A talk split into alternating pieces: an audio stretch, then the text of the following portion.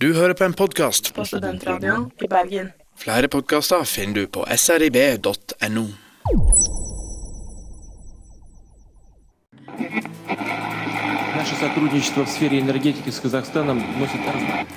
La longueur du dialogue que je viens d'avoir avec M. Poutine.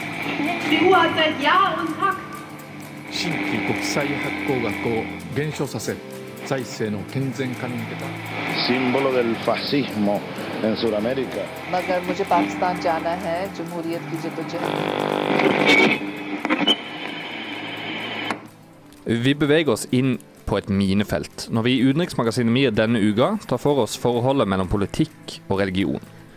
Som en av de mest potente kilder til konflikt har religionen vært med på å forme verden slik den ser ut i dag, og den spiller fremdeles en sentral rolle. I studio i dag sitter jeg, Fredrik Sagerfoss. Og jeg, Katrine Lunde. Vi skal høre hvordan religion i Japan definerer det å være japansk. uh, anybody can go to a shrine and anybody can pray or anybody can uh, can uh, order a ritual and it doesn't matter what is your personal belief or so that's, that's secondary so it's not a membership based religion Religion kan være en kime til stor konflikt innad i land, noe Nigeria er et godt eksempel på. Nei, altså Denne konflikten har vært uh, veldig lenge. og dette har jo lengre altså Dette er jo som om Norge Hvis vi skulle skapet en stat av Norge og eh, Øst-Russland sammen. altså De har i utgangspunktet nesten ingenting til felles. Og vi skal innom hvordan naturreligioner blir utviska dersom de kommer i kontakt med verden rundt. Jeg vil si at eh, den gamle religionen eksisterer ikke lenger. Og Før det skal vi høre hva SRIB har valgt til ukas låt, og denne uka er det Lee Fields med 'Fateful Man'. Lee Fields synger passende nok om 'Fateful Man' i ukas låt her i Studentradioen i Bergen. For uh, Utenriksmagasinet MIR har denne uka om religion og politikk og forholdet mellom de to. Og eh, Vi kan begynne med å kanskje gå litt historisk til vers, for det, dette forholdet har utvikla seg gjennom eh, århundrene. For Før eh, opplysningstida for eksempel, så var jo stater veldig prega av religion, og stater gikk til krig mot hverandre basert på hvilken religion de hadde. Uh, F.eks. korstogene er jo et eksempel på en kristen hellig krig, rett og slett. Og, men i nyere tid så jo, foregår jo kriger som regel ikke mellom land, men innad i land, ofte da basert på religion. Og eh, eksempler på det finner man jo i Afrika pga. Eh, grensetrekking. Ja, etter eh, kolonitiden så ble jo grensene trakk ganske tilfeldig, og ofte ble flere etniske grupper eh, innfelt i samme land, til tross for at det var grupper som tidligere var i konflikt med hverandre. Som f.eks. i Nigeria, der eh, de muslimske i nord er i stor konflikt med de kristne i sør. Ja, for der har jo to eh, religiøse grupper som er ca. like store, blitt fanga innad i ett land. Og, og det fører jo ubønnhørlig til store konflikter. Vi skal gå, gå innom eh, spesielt Nigeria seinere i sendinga. Men vi kan også se på Vesten, hvordan det har utvikla seg der. For uh, man har jo forskjellige måter å løse dette forholdet mellom religion og politikk på. F.eks. i USA er det jo sekulært, altså det er altså et veldig sekulært land, mens i Norge så har man jo en statskirke. Man har en religion som, som ethvert barn som er født av to, to mennesker som er med i statskirka, vil jo bli automatisk innmeldt. Så der har kristendommen en helt spesiell rolle. Det er ikke likhet mellom religionene. Men samtidig i USA så er jo det slik at eh, selv om ikke landet har en statsreligion, så er jo det veldig mye fokus på bl.a. fra republikanerne at eh, de vil ha kristne, konservative representanter for, sine, for, sitt parti. Absolutt, og de konservative delene av den, den uh, amerikanske velgermasse, uh, for dem spiller jo religion en veldig stor, stor rolle. Om ikke formalisert i det politiske systemet som i Norge, så det gir seg rett og slett forskjellige utslag. Og vi skal også videre, vi skal også tilbake til USA i denne sendinga her.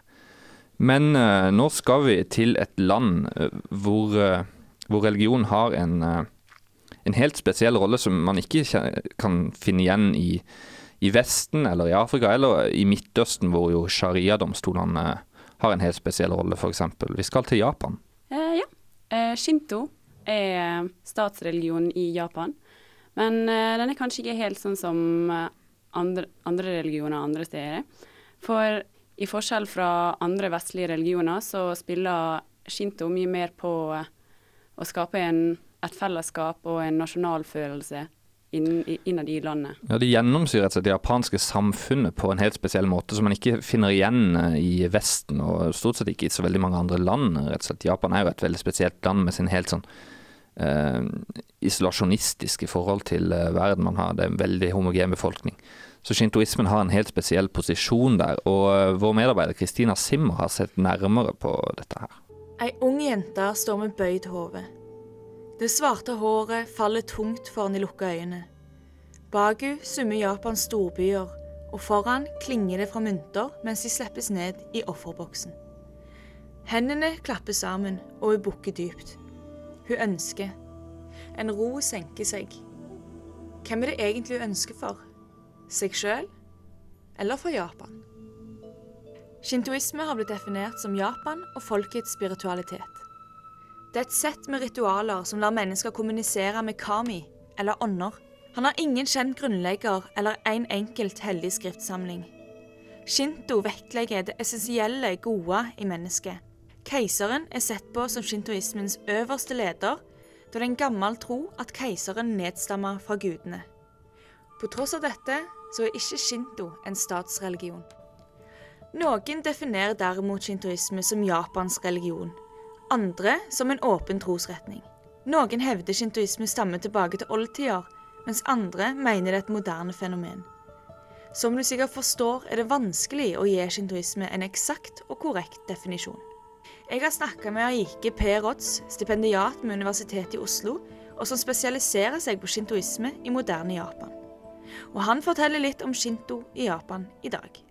So Shinto is about rituals, and most of these rituals are related to some sort of purification. So people have to be purified, and that uh, uh, improves the relationship with the, the gods, the deities, which are called kami, and there are many of them, and there are many different ones. There's sort of national deities and then the local deities. Um, so it's worship, it's rituals uh, in order to improve the relationship between between gods and people. But what's important is that you don't necessarily you don't have to be a member, you don't have to be a believer. You don't join a shrine. There are some exceptions to this, but generally speaking, uh, anybody can go to a shrine and anybody can pray, or anybody can uh, can uh, order a ritual, and it doesn't matter what is your uh, personal belief or so. That's that's that's secondary. So it's not a membership-based religion. Shintoisme er altså ikke en medlemsbasert religion. Han er fri for alle som vil be til kami eller vil ønske seg noe. Alt fra kjærlighet til hell arbeidslivet. En av grunnene til at shintoismen er så viktig i Japan, er nettopp fordi han er for alle. Han åpner for at samhold blant japanerne og dens tradisjonelle røtter er en viktig del av japansk nasjonalfølelse. uh, in the 18th and 19th century. Japan in that period was quite isolated. There was little contact with. Uh, it was also united. It was it, there was peace in the country, and it it was sort of had become one country, whereas before it was really sort of small states fighting each other.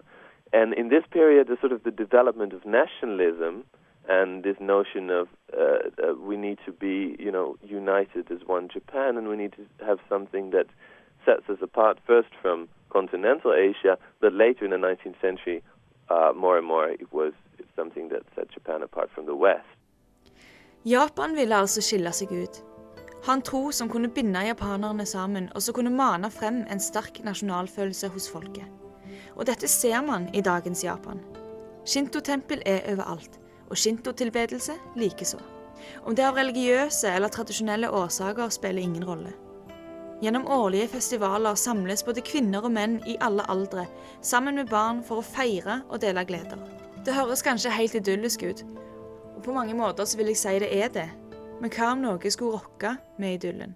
Uh, if you read text or you talk to contemporary Shinto scholars or, or Shinto intellectuals or, or priests in Japan, then their understanding is very much that Shinto is integral, a very important part of, of traditional Japanese culture and society. It has always been so, and it continues to do so. But there's also a notion that it has got it's, it's actually become that less in the modern period, and that this is a bad thing, and that all sorts of problems that you see in Japan today, environmental problems, social problems, that these can be contributed to the fact that people no longer worship the gods, for example. At naturkatastrofer, økonomiske problemer og lignende henger sammen med mindre shinto-tilhengere, vil jeg ikke tørre å påstå. Men det jeg kan si, er at shinto på mange måter styrker det japanske samholdet. Tradisjon er en viktig del av mennesket.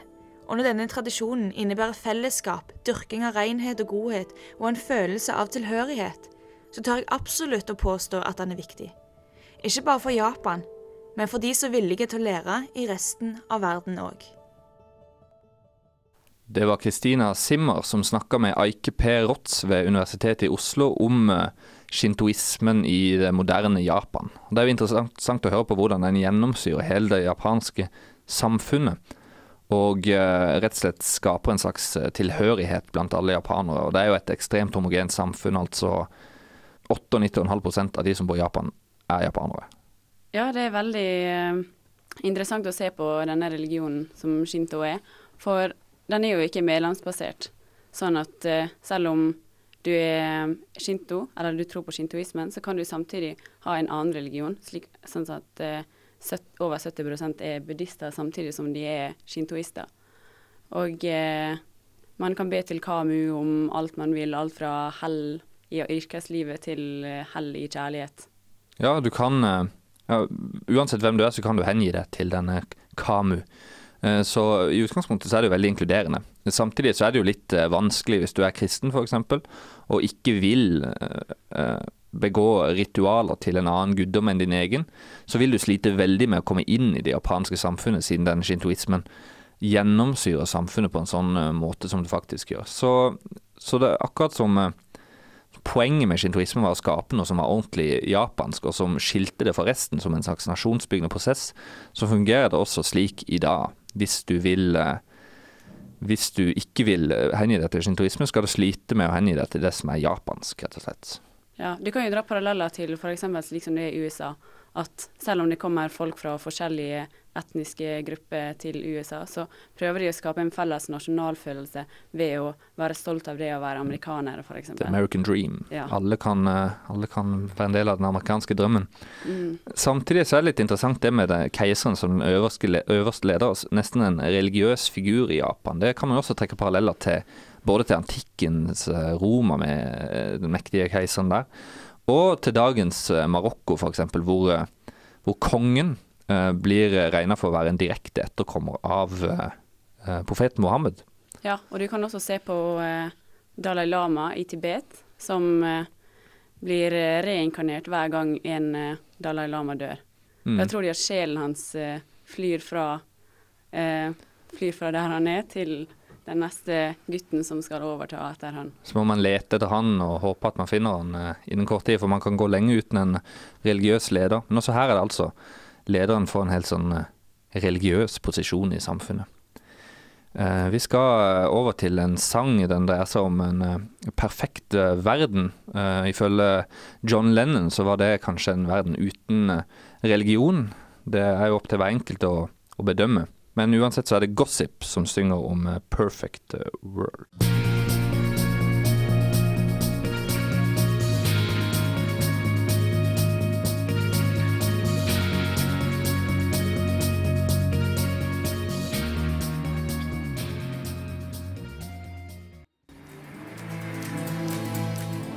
Dette er Morten Ruud, korrespondent for NRK i Moskva og du hører på utenriksmagasinet MIR i Studentradioen i Bergen.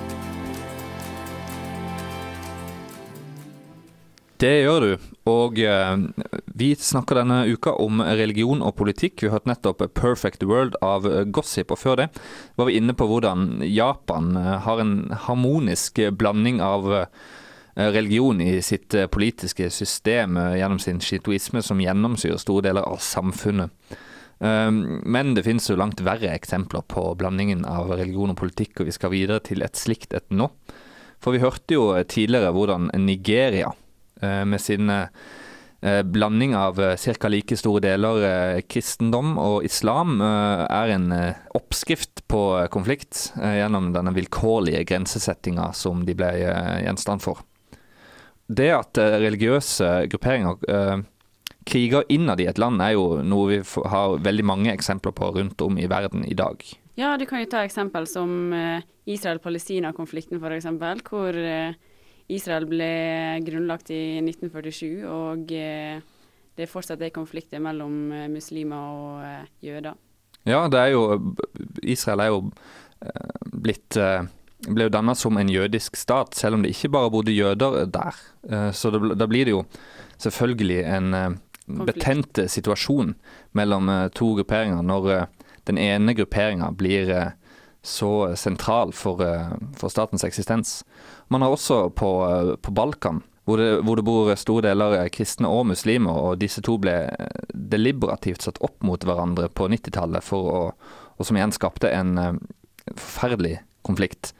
Men tilbake til Nigeria, så har vi i utenriksmagasinet MIR snakka med Dag Øystein Ensjø, som er professor i religionshistorie ved UiB, om eh, hvordan eh, denne konflikten foregår, og hva som ligger bak, og om det fins noe håp rett og slett for eh, Nigeria i dag.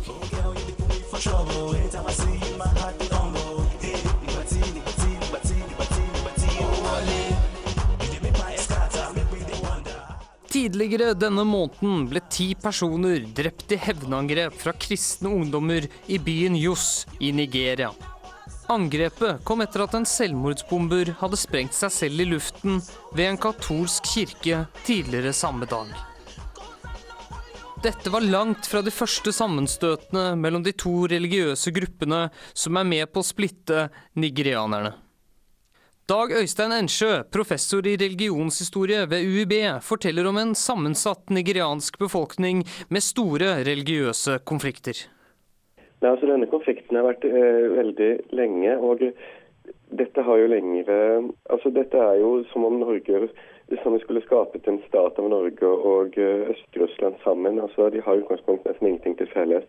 Gammel konfliktlinje her, for her var det jo da snakk om eh, muslimsk misjon og til dels også da kriger mellom muslimske og ikke-muslimske stater nedover.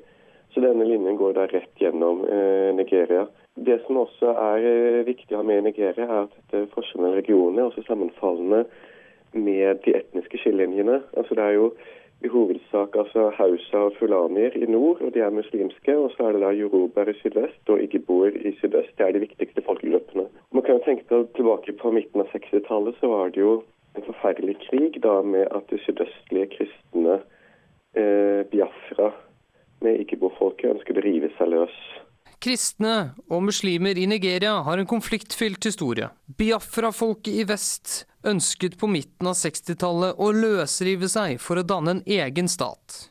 Noe som resulterte i en voldsomt blodig borgerkrig.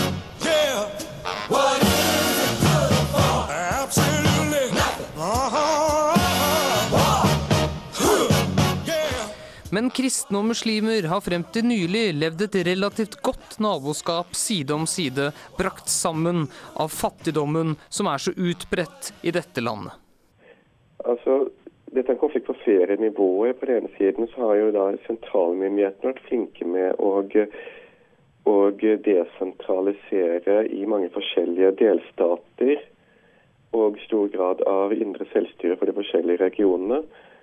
Eh, på andre siden så har du da det er disse mer blodige eh, konfliktene. Og dette er jo da gjerne går jo igjen da på eh, hevnattakker. At noen har vært drept her, og så dreper man noen flere igjen, og så frem og tilbake.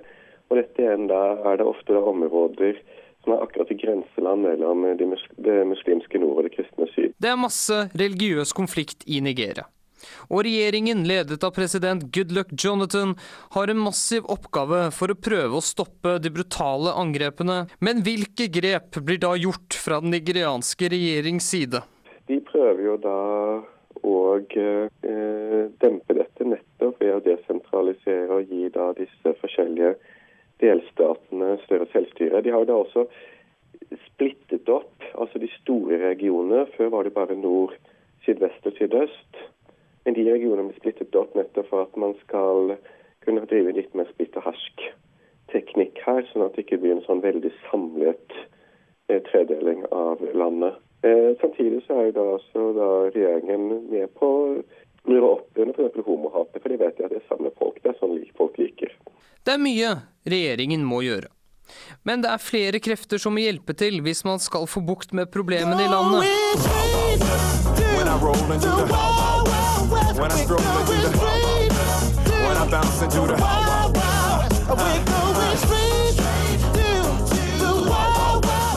Vesten må også bidra for å finne en løsning. Nei, altså De viktigste løsningene her er jo å finne på et mer generelt nivå. Det er jo å prøve å dempe korrupsjon. Det er forferdelig uh, i Nigeria. Det er å fremme nettopp demokratiske verdier.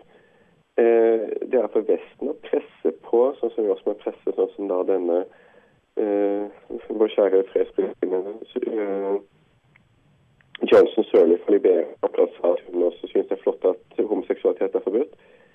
Presse på dem og forklare at dette går jo ikke i sammenheng med verken menneskerettighet eller demokrati. Eh, og vise til at dette er den mest farbare veien, er å vise toleranse alle veier. Og så vise grenser for graden av eh, religiøse inngrep eh, i privatlivet. Og dette gjelder jo også da på tvers av religionene, også da innad i religionene. Med korrupsjon opp til halsen og fiendtlighet på tvers av religioner, ser det alt annet enn lyst ut for Nigeria. Vi kan rett og slett ikke skimte noe lys i enden av tunnelen. Tunnelen er derimot lang, mørk og dyster, og endestasjonen til Nigeria er milevis unna. Den er så langt unna at du ikke kan håpe på at den når fram med det første. Mange liv er gått tapt. Og dessverre er vi nødt til å innse at dødstallene ikke vil synke i nærmeste fremtid. Alt vi kan gjøre, er å krysse fingrene.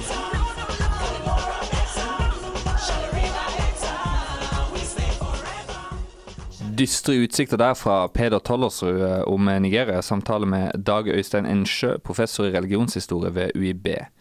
Og sånn går det jo gjerne når, eh, når etniske skillelinjer sammenfaller med religiøse. Det blir dype konflikter. Eh, en oppskrift på, ja, en oppskrift på konflikter. Og selv om de har prøvd å desentralisere for å fjerne de geografiske skillelinjene, så har ikke det hjulpet noe særlig. Og hva gjør de da, Katrine?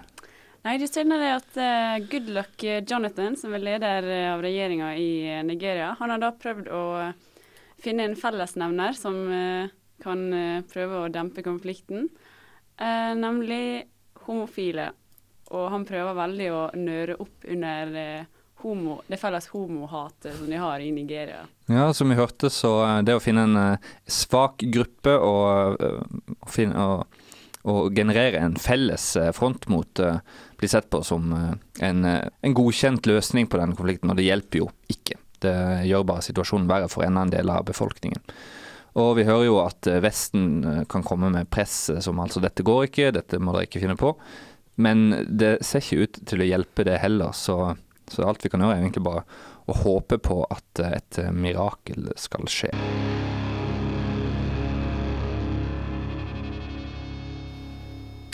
Beinhardt fra Regent, der de sang 'You Are Wrong', noe vi kanskje kan si til Good Jonathan også. Vi var innom Nigeria, som er et land med to praktisk talt like store religioner. Som er like sterke og på den måten ikke kan dominere den andre på noen som helst måte. Vi skal videre til eh, hvordan situasjonen er for mindre religioner. Altså når du er en helt klar minoritet i et land, hvordan blir situasjonen da? Hvordan kan du opprettholde din tro i møte med de store verdensreligioner, som, som selvfølgelig prøver å sette sitt preg på, på deg? Uh, ja, i neste innslag så skal vi innom uh, urbefolkningen i Australia og Norge, henholdsvis samene og aboriginerne. Og de har jo før kolonimaktene kom til Australia, så hadde jo f.eks. aboriginerne sin egen naturreligion. Ja, Vi skal høre hvordan naturreligioner klarer seg i møte med kristendommen, som, som jo ikke har så mye til overs for, for den måten å se på naturen på. René Descartes postulerte i det 17. århundre at ideen om en perfekt gud er for stor til at noe menneske kan tenke den ut selv. Gud er ganske riktig en idéhistorisk kjempe. Uansett om du vil kalle det guddommelig innsikt, overtro, en lengsel etter trøst eller simpelthen åndssvak tankespinn, strekker troen på en allmektig kraft seg over tid og rom som intet annet fenomen. Fra det nordeuropeiske området samene kaller Sápmi, til den australske øy befolket av aboriginere, har ideen om Gud oppstått. Oppfatningen av det allmektige divergerer på en rekke områder, men likhetene er slående. Mens kristne, muslimer og jøder alle sverger til ideen om en gud som har skapt naturen og mennesket, deler gammel samisk og aboriginsk religion troen på at guder er naturen, og at naturen er guder. Aboriginerne tror at alt i verden ble fylt med en egen ånd under drømmetiden. Et konsept som på tross av sitt navn ikke er festet i tiden i tradisjonell forstand. Drømmetiden er betegnelsen på hvordan gudene ble til naturfenomener og landskap, samtidig som drømmetiden blir opprettholdt av menneskeledede ritualer. Man skiller altså ikke mellom hvordan ting er og hvordan de blir til i gammel aboriginsk religion. Tradisjonell samisk religion hviler også på ideen om at gudene er naturen. Men de fester i større grad lit til sjamaner for å kunne tolke signalet naturen eller gudene gir dem.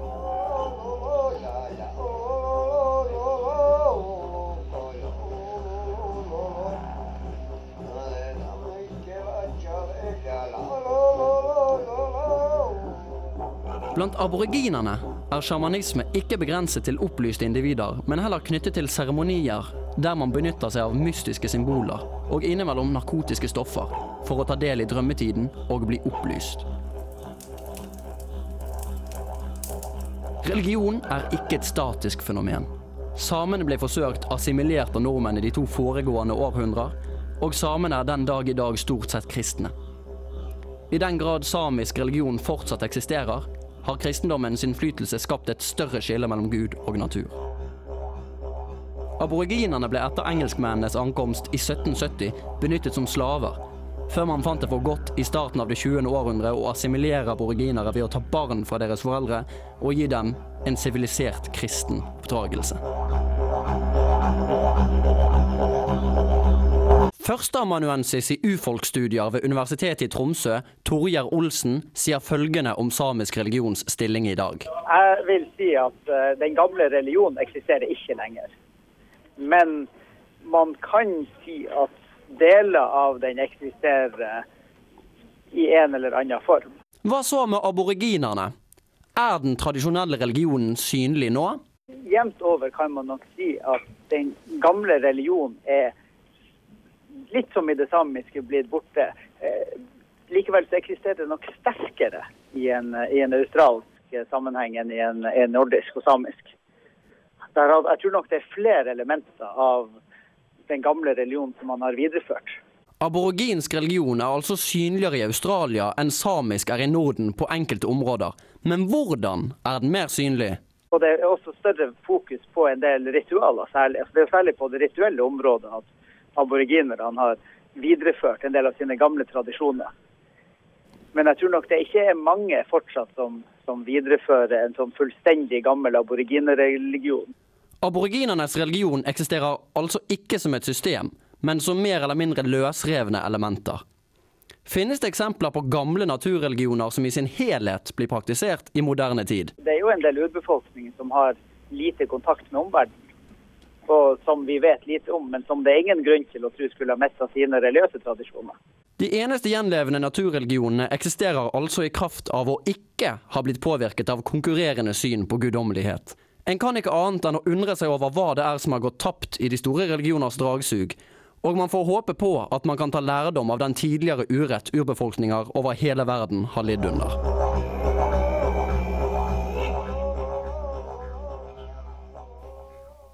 Der hørte vi hvordan naturreligionen naturreligion er uakseptabelt for, eh, for kristne, altså de kristne kolonister, altså både i Norge og Australia. Hvordan synet på at naturen at Gud er naturen, og naturen er Gud, og at Gud finnes overalt i naturen, at det ikke er kompatibelt med den kristne idé om at Gud skapte verden og er herre over den. Og derfor har eh, jo altså aboriginere og samer blitt utsatt for en heftig assimilering. Vi hørte jo hvordan eh, barn ble revet ut av familier og plassert i engelske skoler og måtte, måtte lære seg å snakke engelsk. Og eh, hvordan damer, aboriginske damer ble tvangsgifta bort til britiske menn for at genene, det aboriginske genmaterialet skulle forsvinne, det er rett og slett radikal assimilering. Også i Norge har vi hatt tilsvarende tilfeller. Ja, samiske skoler eh, ble jo eh, tvunget til å ha norsk som det eneste språket det skulle undervises i. Barna fikk ikke lov til å snakke norsk, og eh, den samiske kulturen skulle egentlig regelrett forsvinne, mente den norske regjering. Men eh, etter krigen så begynte det å bli bedre. Og eh, i 1987 så fikk jo samene sitt eget sameting, som skulle sikre samene sin, sine interesser og eh, ja, litt til. Men eh, eh samereligion og eh, mye av samisk kultur er jo egentlig borte. Ja, i praksis eh, forsvunnet, som vi hørte. Og, og all verdens unnskyldninger kan jo ikke bøte på de problemene aboriginerne og samene har vært utsatt for. Eh, den behandlingen de har vært utsatt for av myndighetene i de landene de holder til. Um, det er jo litt interessant å høre hvordan naturreligion altså bare, bare finnes hos urbefolkninga som ikke har kontakt med omverdenen, og hvordan den eneste måten at en religion, en naturreligion, en liten religion kan overleve, er at, at den rett og slett ikke blir utsatt for press fra større religioner. Um, vi skal høre på vi skal videre og høre på en sang som også har en religiøs tittel. Den heter eh, Abrahams Daughter, det er Arcade Fire som synger.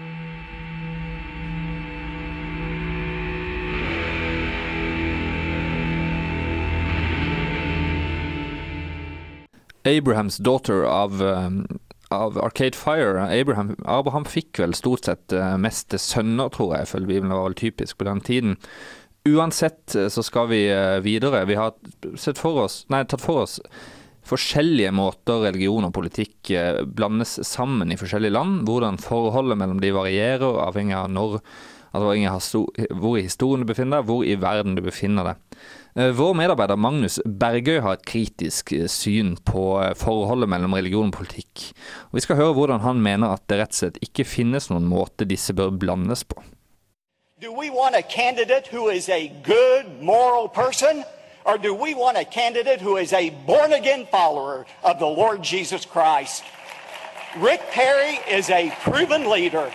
He is a true conservative and he is a genuine follower of Jesus Christ.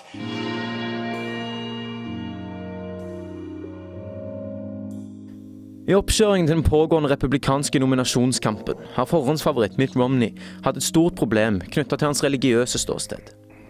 Det at Romney er mormoner, er ikke bare noe som gjør veien til å bli den republikanske presidentkandidaten humpete. Skulle han ende opp som Barack Obamas utfordrer, vil han risikere å tape republikanske stemmer til en potensiell tredjekandidat. I januar avslørte en undersøkelse at hver tredje mormoner i USA ikke tror at amerikanerne er klare til å velge en fra deres religiøse grupper til å lede landet. Hvorfor er dette her et problem? Skal virkelig elementer som religion og trosoppfatning ha noe som helst å si for hvem som er egnet til å lede et land?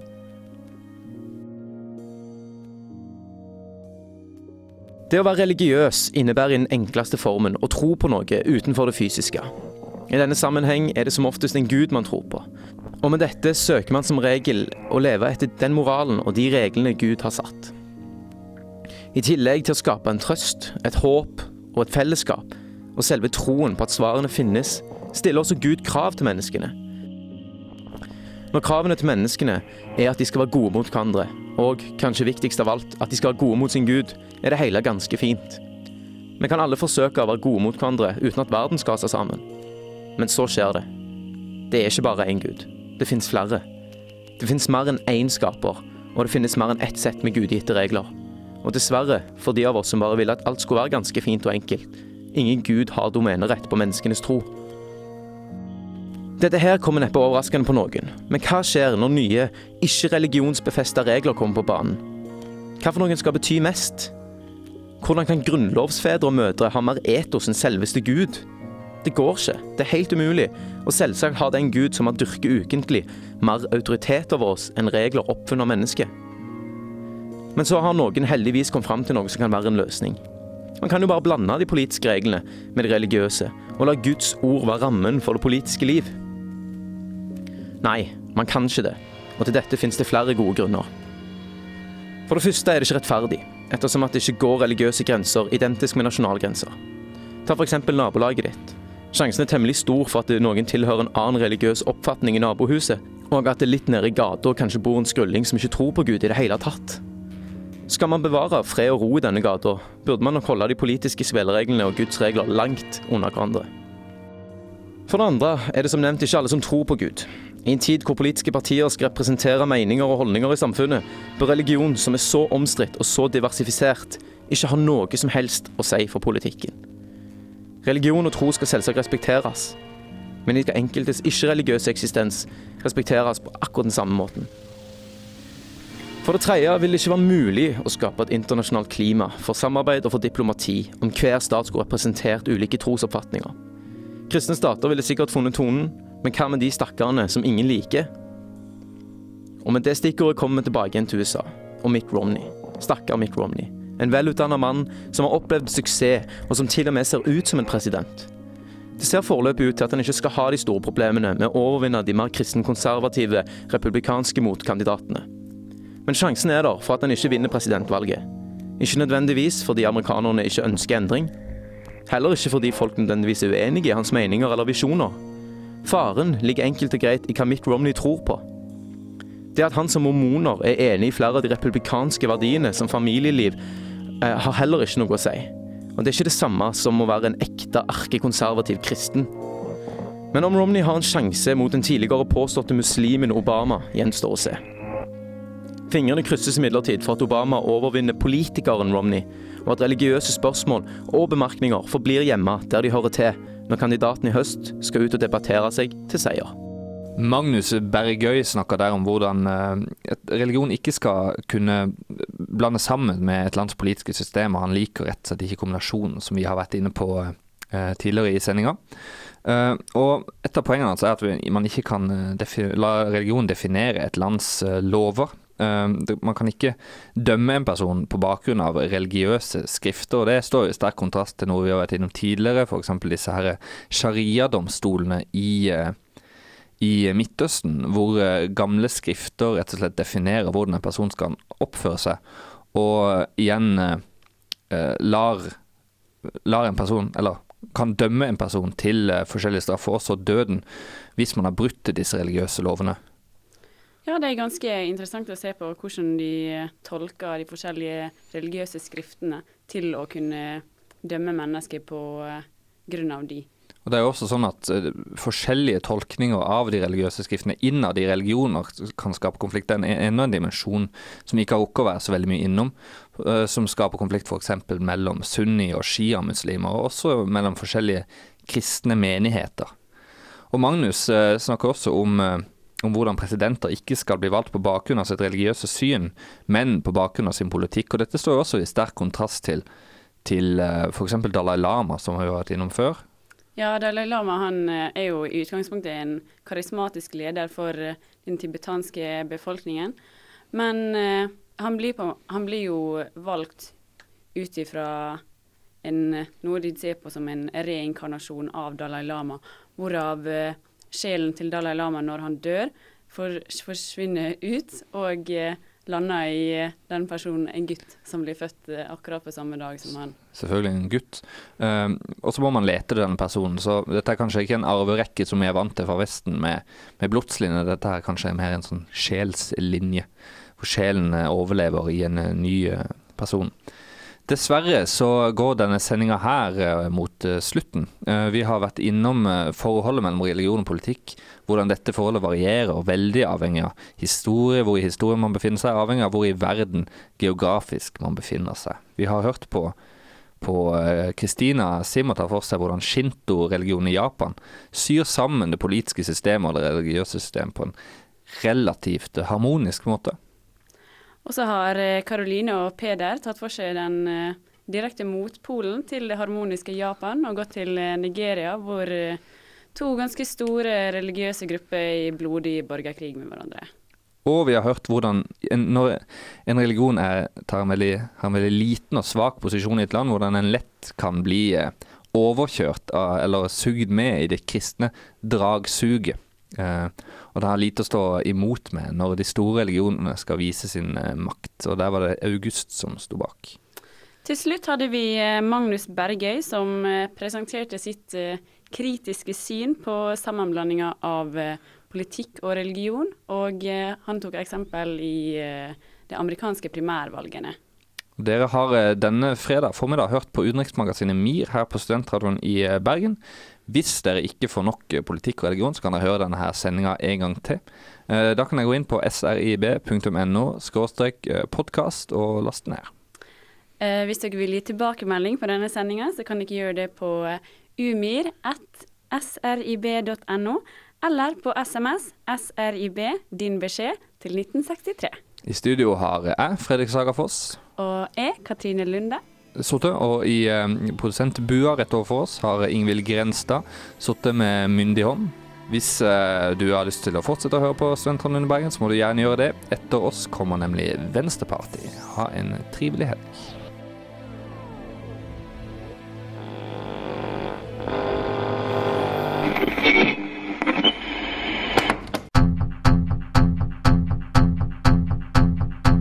Du hører på en podkast På Studentradioen i Bergen. Flere podkaster finner du på srib.no.